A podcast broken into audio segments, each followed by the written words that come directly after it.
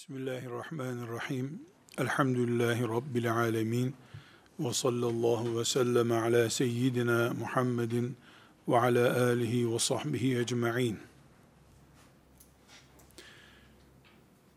Ahir zamanda yaşayan Müslümanlar olarak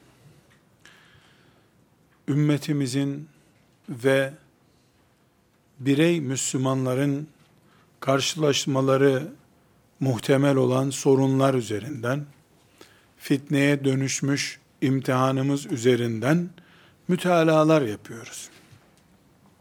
Bütün bu konuşmalarımızda bir meseleyi A Müslümanı için söylüyorsak, bu ümmet içinde söylenebilir bir sorundur.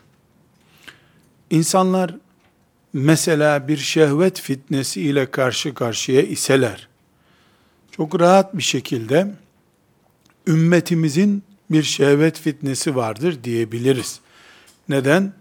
Bu ümmet bütünü birisi gibi olan, birisi bütünü gibi olması gereken bir ümmettir.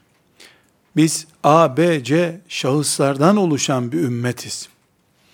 Mesela şöyle bir ifadeyi ümmet olarak biz kullanamayız. Kullanmamalıyız da. Suriye'de Müslümanlar bir rejim sorunu yaşıyorlar. Bu rejim sorununun doğal sonuçlarından birisi olarak da orada çocuklar işte küçük yaşta sömürülüyor, çalıştırılıyorlar.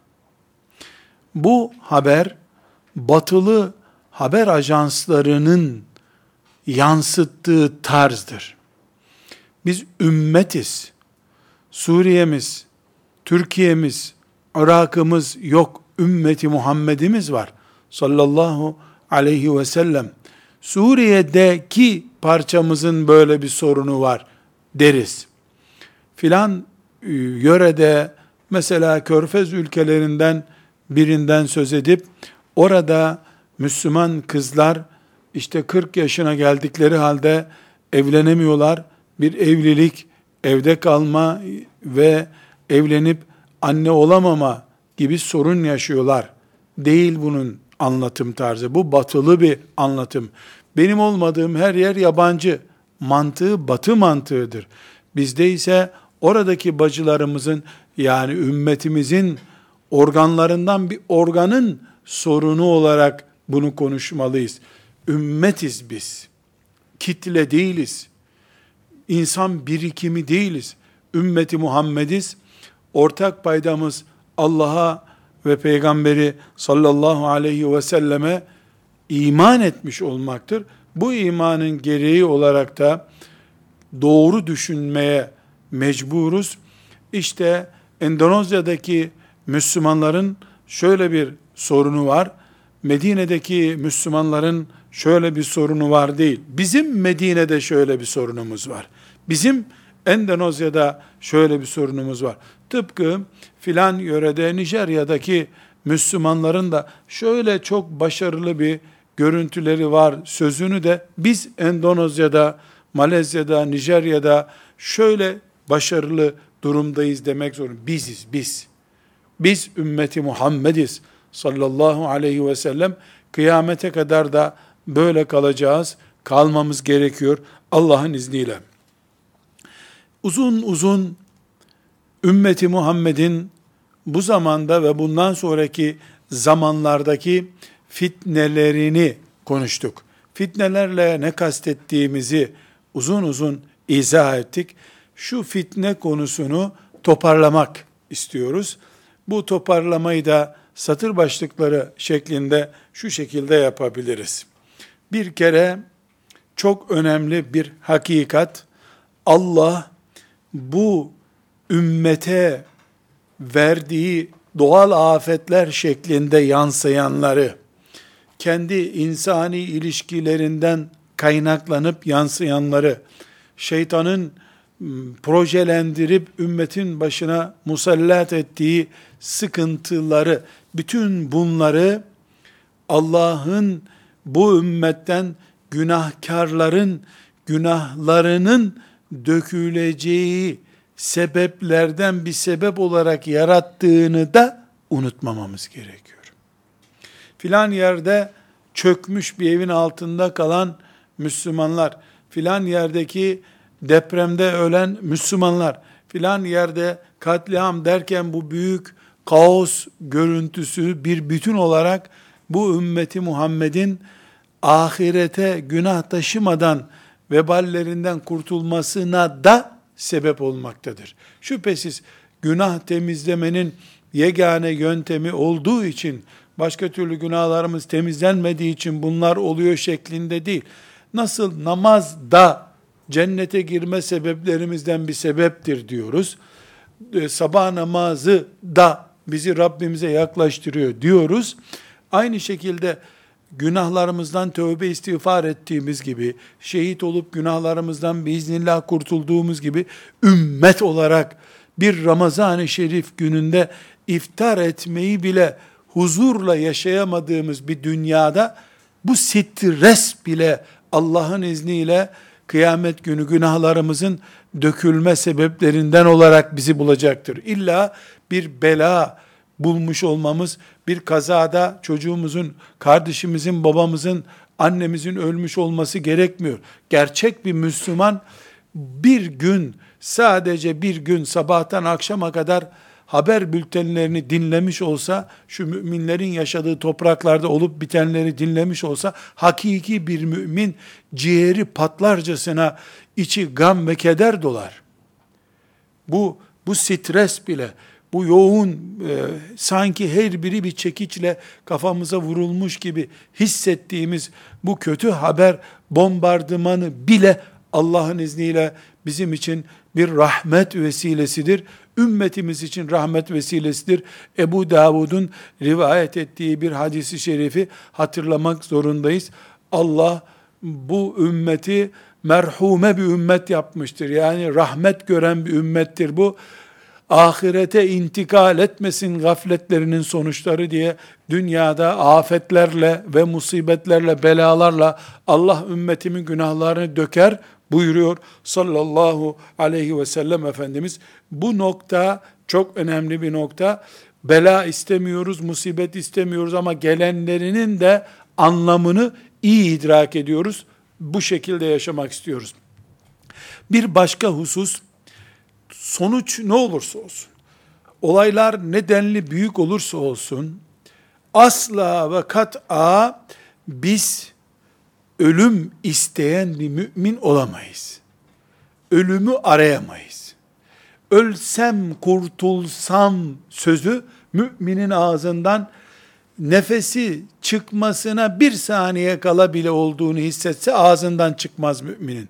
Bir saniye fazla yaşayıp bir kere Allahu Ekber demeyi istemek zorundayız. Biz Allah'tan ölüm temenni etmeyiz. Ölüme hazırlıklı olmayı temenni ederiz. Evet, stresimiz, sıkıntımız belki dayanılmayacak bir noktaya gelmiştir, gelebilir. Bu mümkündür, realitedir bu. Ama her halükarda ölüm korktuğumuzdan çok dünyada kalıp Allah'ı anmayı, bir nefes daha fazla Müslüman olarak toprağa basmayı tercih ettiğimiz için ölüm istediğimiz şey değildir. Kafirler ise hayatta koparacakları bir nimet kalmadığını anlayınca ölümü isterler, intihar ederler, toplu veya bireysel olarak bu dünyadan kendi elleriyle ölüp gitmeyi düşünürler. Müminde bu yoktur. Mümin Allah'ın izniyle son nefesine kadar umut vardır. Bu umutunu kaybederken imanını da kaybeder. Allah muhafaza buyursun. Bu sonuca ulaşmamak için ikinci olarak da diyoruz ki bu dünyada mümin ölümle karşılaştığı sahnede bile ölümü isteyen adam değildir. Ölüme hazırlanmayı isteyen adamdır. Biz ölmeye hazırlanırız imanımız açısından, salih ameller açısından, nesil bırakmak açısından, Allah'ın dinine ve şeriatına hizmet edecek bir iş yapmak açısından bütün bunları bir bütün olarak görüp ölüme hazırlıklı mümin oluruz. Ama asla ve kat'a ölüme koşan mümin olmayız. Üçüncü olarak da bu fitne zamanlarında karşılaşacağımız bir yığın musibetler hep söz ettik. İşte şehvetlerden, düşmanlardan vesaire söz ettik. Bir önemli noktayı hiç unutmamamız gerekiyor.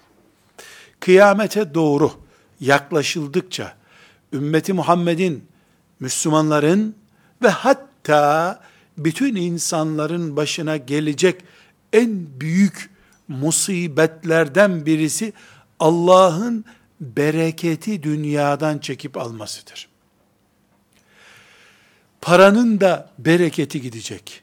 Zamanın bereketi gidecek. Dostluğun, muhabbetin bereketi gidecek.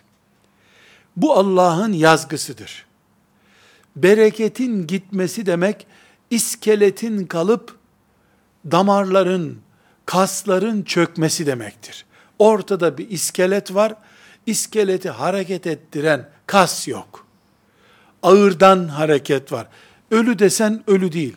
Yaşıyor desen yaşıyor değil. Hatta ve hatta, hatta ve hatta ibadetin bile bereketi gidecek. İbadette nasıl bereket olur ki? Allahu Ekber. Hani Resulullah sallallahu aleyhi ve sellem çok bunaldığı zaman Bilal rahatlatsana bizi diyordu. Ne demek istiyordu? Şöyle bir topla bizi namaz kılalım, rahatlayalım. İşte namazın bereketi bu. Orucun bereketi var. Haccın bereketi var. Kur'an okumanın bereketi var. İbadet bunlar çünkü. Anneye, babaya oturup elini şakağına koyup şu şekilde bakıp durmak, bu şekilde sadece anneyi babayı seyretmek ibadettir. Bu anneye babaya bakmak ibadet iken anneye babaya yemek vermek için, hizmetini görmek için bakmaya bile bir insanın hasretle beklediği iş olarak bakamaması kaybolmuş bereketi gösteriyor. Anne ve babaların kıymetten düşmesi, onların varlıklarının bizim için hayat anlamına geliyor olmaması anne baba gibi bir bereketi kaybettiğimizi gösteriyor. Efendimiz sallallahu aleyhi ve sellem ne buyuruyor? Anası babası yaşlı olduğu halde cennete girmeyenin burnu sürtünsün diyor. Kaybolduğu için bereketi. Paradan, dostluktan, sudan, topraktan, muhabbetten, evlilikten, çocuktan, ibadetten ve en ağırı zaman vakit açısından bereketi kaybetmek Allah'ın azabının inmeye başladığını gösteriyor. İnsanların tarlalarda kanı arabalarıyla iş yaptığı, bugün bir traktörün bir saatte yaptığını bir ayda yaptığı zamanda, bir köyden öbür köye bir hasta ziyareti için ancak 3 saat 5 saat yürüyerek gidildiği bir zamanda, inekleri sağmaktan vesaireye kadar bir yığın işi çamaşır makinesi gibi, bulaşık makinesi gibi çalışarak yapan kadınların bulunduğu bir zamanda insanların sılay rahim yapma, dostlarına dostluk ayırma diye bir dertleri yoktu. Her şeye vakit bulunabiliyordu. Her şeyin iletişim cihazlarına döküldüğü, telefonların akıllı olduğu, bulaşık makinelerinin akıllı olduğu, çamaşır makinelerinin neredeyse senin gömleğini sana giydirecek hale getirip yeniden geri verdiği bir zamanda, sıçrayarak bir köyden öbür köye gider gibi ulaşım imkanının oluştuğu bir zamanda, insanlar neden birbirini görememekten dert ediyorlar? Zamanın bereketi gitti. Akrabalığın bereketi gitti. Paranın bereketi gitti suyun bereketi gitti, toprağın bereketi gitti, gözlerimizde fer olarak kalan bereket gitti. Hayatı var kabul ediyoruz ama bereketsiz iskelet bir hayat gibi, ruhsuz bedenler gibi yaşıyoruz. Bu dünyanın başına gelmiş Siyonizm belasından daha büyük bir beladır bu. Hangisi? Bereketi topraktan suya, havadan paraya kadar her şeyde kaybetmiş olmamız. Zamanımız Bundan 50 sene önce, 80 sene önce insanlar 65 saatlik bir zaman da mı yaşıyorlardı? Onlar da 24 saatlik bir günde yaşıyorlardı. Şimdi de biz 24 saatlik günde yaşıyoruz. Onlar bizim yaptığımızın 50 katı iş yapıyorlardı. Hiçbirini de tuşa basarak yapamıyorlardı üstelik. Ayağını yere basarak iş yapıyordu. Kazarak, kazma kullanarak iş yapıyorlardı. Ama hayatı başarıyla sürdürüyorlardı. Hastaneye yetişememek diye bir dertleri yoktu. Neden? Bir hastayı omuzuna alıyor. Bir gün iki gün taşıyarak şehir hastaneye götürüyorlardı. Şimdi ambulanslar kapımızda duruyor. Sağlığın bereketi yok. Doktorluğun bereketi yok. E, eczanedeki ilacın şifası bereketi birbirinden kaybolmuş gitmiş. Hayatı bereketini kaybederek kaybetmeye başladık. Huzurumuzdur kaybolan diyoruz da huzuru tut getir bir yerden de sen nerede satılıyor ki huzur? Kaybettiğimiz şey suyun bereketinin, toprağın bereketinin, muhabbetin bereketinin, eş olmanın bereketinin, çocuk sahibi olmanın bereketinin, camilerdeki saf olmanın bereketinin kaybolduğu bir zamandayız ya biz, huzurumuz oydu aslında. O bereketle huzur buluyorduk. 50 senedir camilerde kalorifer var. İnsanlar her tarafın buz olduğu, caminin kubbesinden buz sarkıtlarının sallandığı camilerde, üstelik de cam çerçeve de yok, buz gibi yerlerde sabah namazını cemaatle kılabiliyorlardı. Aynı Müslümanlar şimdi kaloriferli camilerde arabasıyla camiye gelecek üstelik. Niye namaz kılamıyorlar hava soğuk diye? Soğuyan hava değil, kaybolan berekettir. Havanın da bereketi kayboldu. Rutubetlendi, ısıttı, yaktı, kavurdu. 50 derecede Allah yolunda teçhizatıyla cihad eden insanların torunları olarak İstanbul'da filan şehirde rutubetten nefes alamaz olduk. Bizden önceki insanlar dört ciğerle mi yaşıyorlardı bu dünyada? Onların akciğerleri sırtından klimayla mı destekleniyordu? Demek ki biz gizli bir şeyi kaybettik. O kaybettiğimiz gizli şeyin kesinlikle adı berekettir. Bereket de Allah'tan başkasından alınamaz bir şeydir. Eğer bereket Allah'tan başkasında üretilebilen bir şey olsaydı, dünyanın tamamına sahip olacak kadar büyük imkanlar ve kabiliyet içerisinde bulunan Avrupa'da huzur olurdu, hayatın bereketi olurdu, marketlerde bereket poşetleri satılıyor olabilirdi. Dünyada bereketin en çok kaybolduğu yer batı kültürünün hakim olduğu yerdir.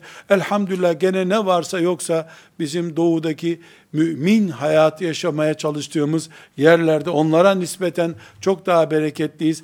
Allah'a hamd ediyoruz. İmanımız ayakta duruyor.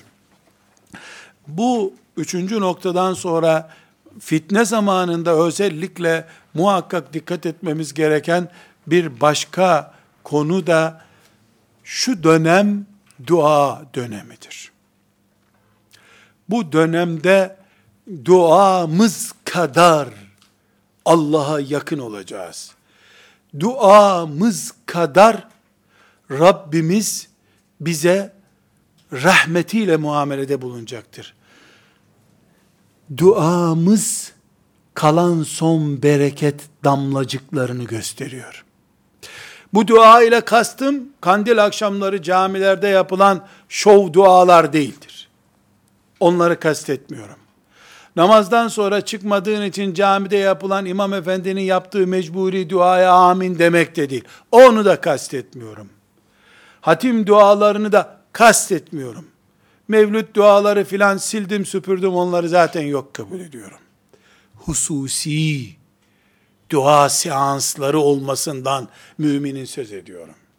Özellikle bu dönemde mümin insanlar olarak bazı duaları müthiş bir samimiyetle, sıcaklılıkla bağrımıza basmalıyız.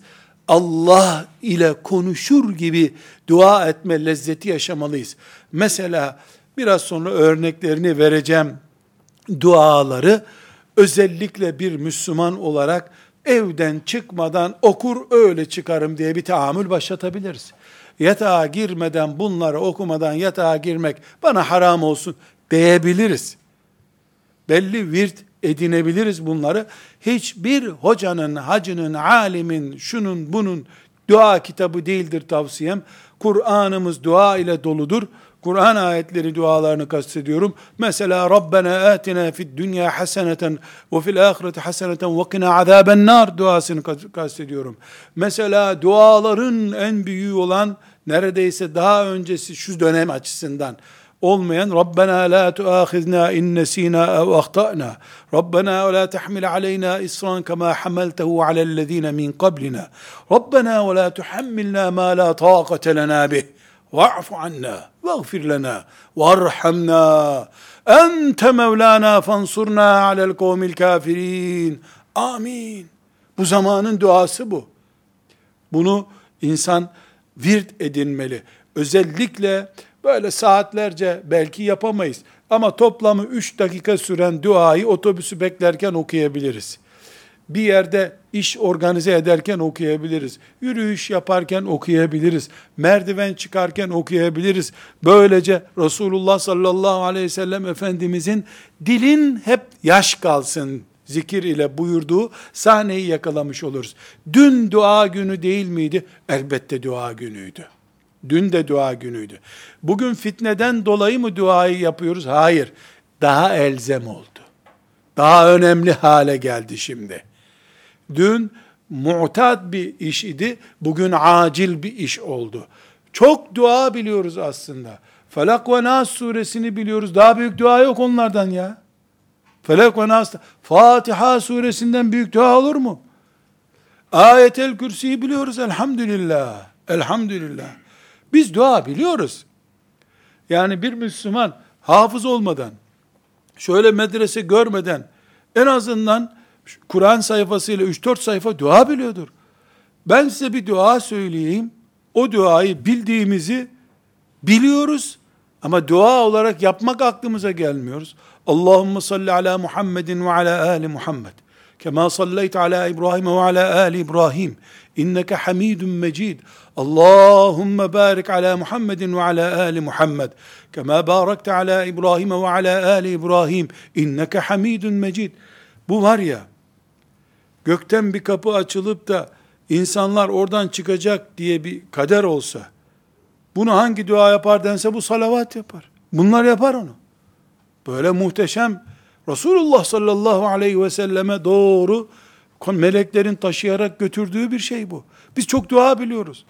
Ya bir dua biliyoruz ki hayatı böyle mücevher hale getiriyor. Allahümme inna nesta'inuka ve nestağfiruka ve nestehdik ve nu'minu bike ve netubu ileyk ve netevekkelu aleyke ve nüthni aleyk el hayra kullehu neşkuruka ve la nekfuruk ve nekhla'u ve netruku men yefcuruk Allahümme iyyâke na'budu ve leke nusalli ve nescudu ve ileyke nes'a ve nehfid nercu rahmeteke ve nakşe azâbek inne azâbeke bil kuffâri mulhiq Bundan büyük dua yok ya.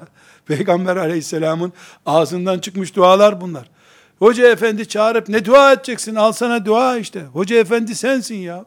Hoca efendiyi de çağırsan, Cebrail aleyhisselamı da çağırsan bunları okuyacak sana.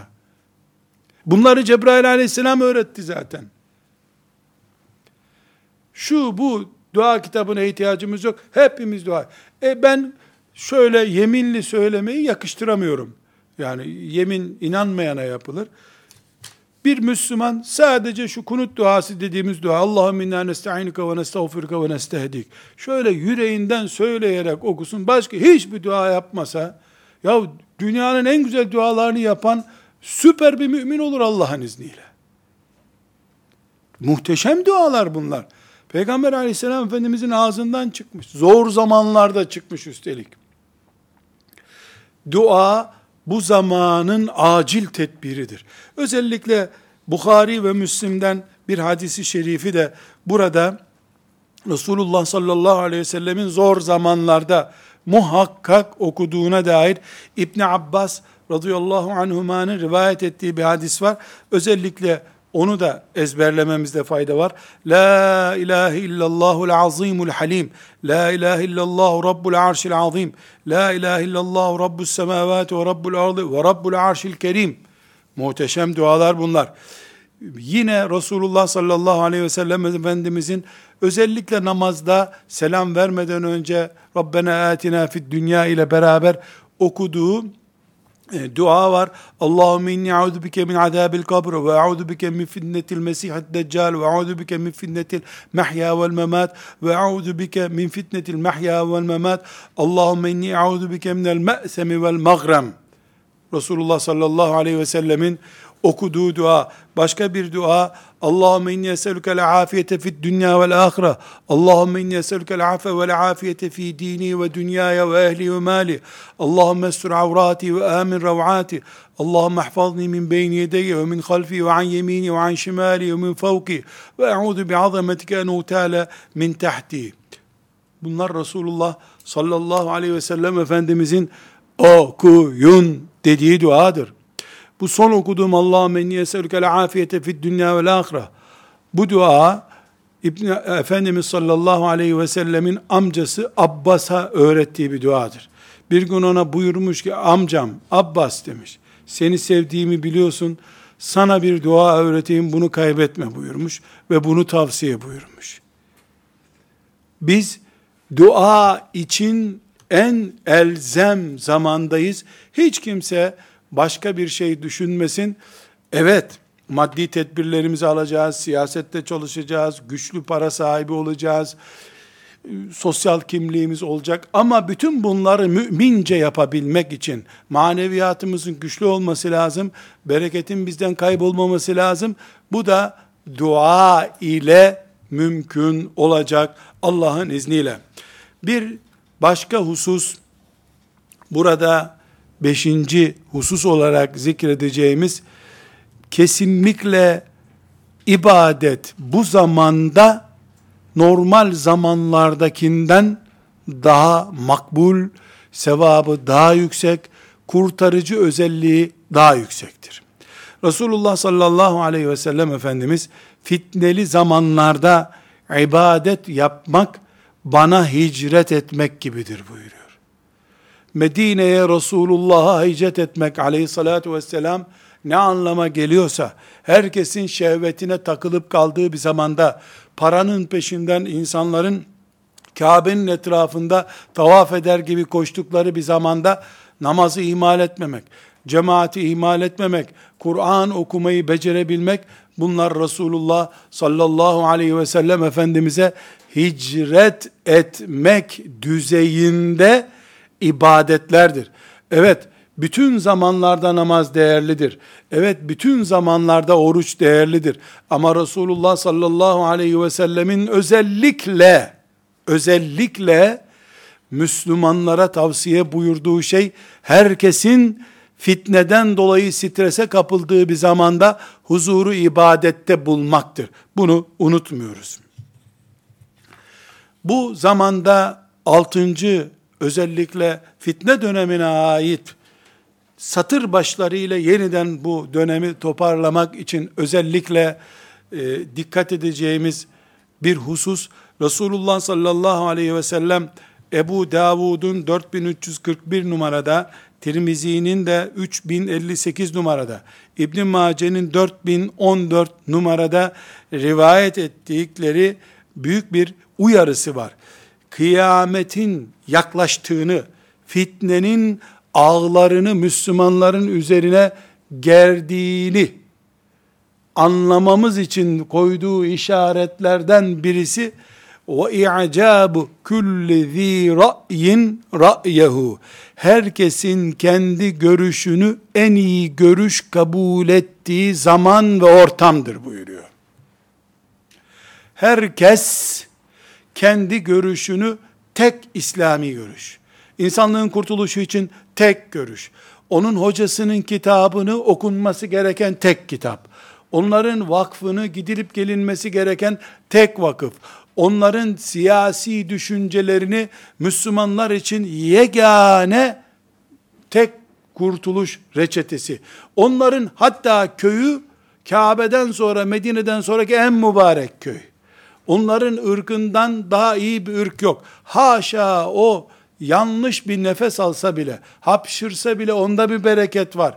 Tarzında mübalağa ile benim anlattığım. Ama esasen bunu pratikte gördüğümüz, Kur'an'dan daha değerli kitap yazmış hoca efendiler var bu dünyada. 20 sene devam etsen bile o toplantılara bir kere Allah ne buyuruyor ayetel kürsüde diye duymayacaksın.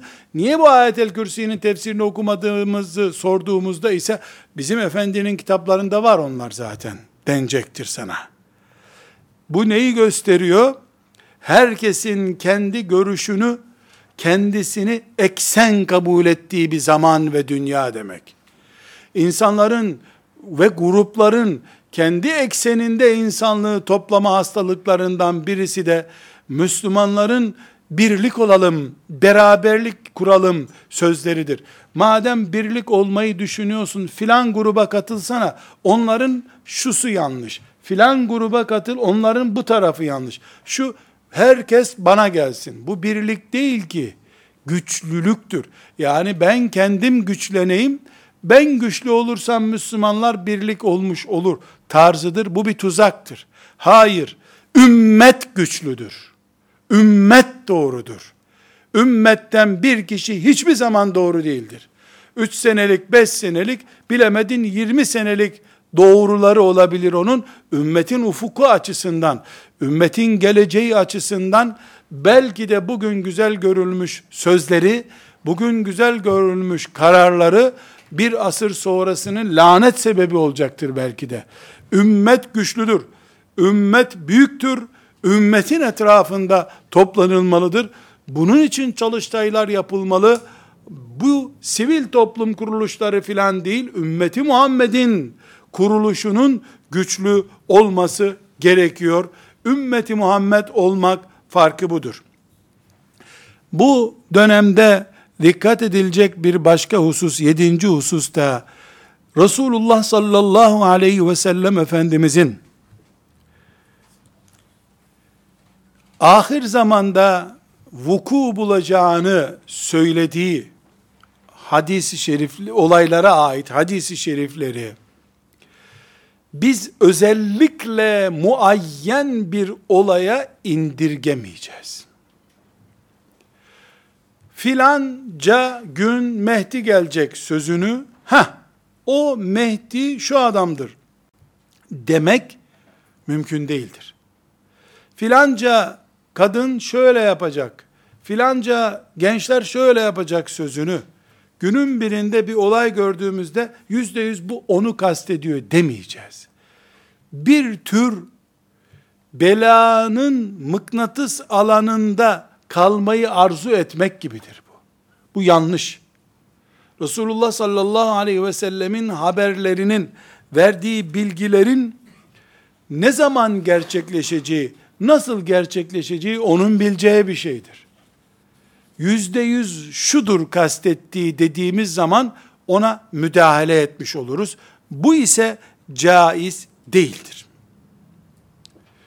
Sekizinci tespitimiz, bu son dönemde konuşmamız gereken sekizinci tespitimiz, Resulullah sallallahu aleyhi ve sellemin geleceğe dair, ahir zamana ait, fitnelerle ilgili verdiği bilgiler, onların felsefesinin yapılması için, o konuda kitaplar yazılması için değildir. Müminlerin o günlere hazırlık yapması içindir. Resulullah sallallahu aleyhi ve sellemin mesela biz fay hattındayız. Riskli bir zamanda yaşıyoruz. Fitne zamanında yaşıyoruz diye ümmeti Muhammed'e ikaz için konuştuğumuz bu sözler bir felsefe yapmak, teoriler üretmek için değildir.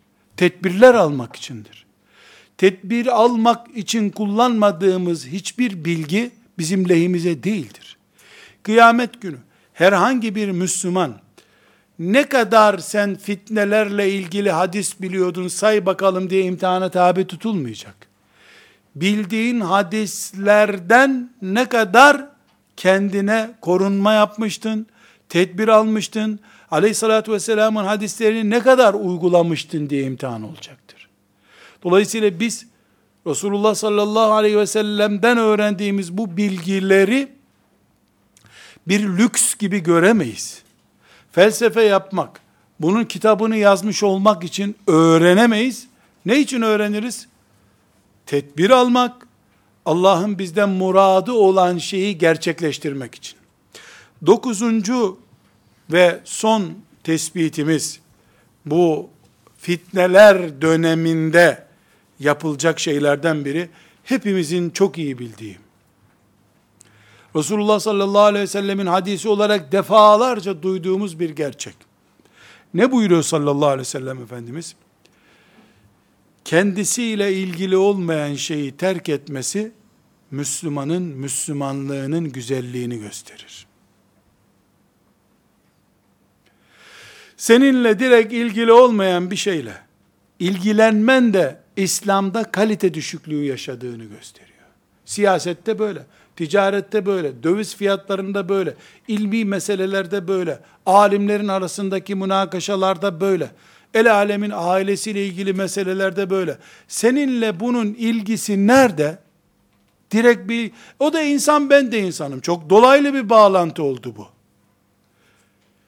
İlgisi olmadığı işlerle Müslüman uğraştıkça İslam kalitesini düşürür. Bizzat yüzde yüz senin ilgili olman gereken şey, dinin, hayatın, ahlakın, sorumlusu olduğun ailen, çocukların, annen, baban ve daha sonra kardeşlerindir. Dünyadır. insanlıktır. Uzaydır. Ama küçük bir daireden büyük daireye doğru açılmak şartıyla. Önce sen, imanın ve insanlığınla sen, seni teğet geçip bir büyük daireye geçmen yanlış.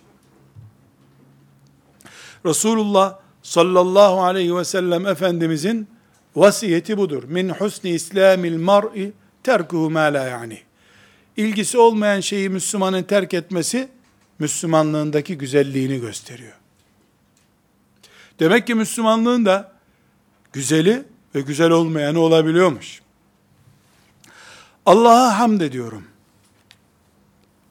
Bütün layık olduğu güzel kelimelerle hamd ediyorum. Bize Resulullah sallallahu aleyhi ve sellemin hadisi şerifleri ve Kur'an-ı Azimüşşan'ın ayetleri etrafında bu ahir zamanda karşımıza çıkması muhtemel sıkıntıları ders boyunca, dersler boyunca konuşmayı müyesser kıldı. Rabbime hamd ediyorum. Kendi nefsim adına, kardeşlerim adına, ümmetim adına da bu öğrendiklerimizle amel etmeyi bize müyesser kılmasını diliyorum. Ve sallallahu ve sellem ala seyyidina Muhammed ve ala alihi ve sahbihi ecma'in velhamdülillahi rabbil alemin.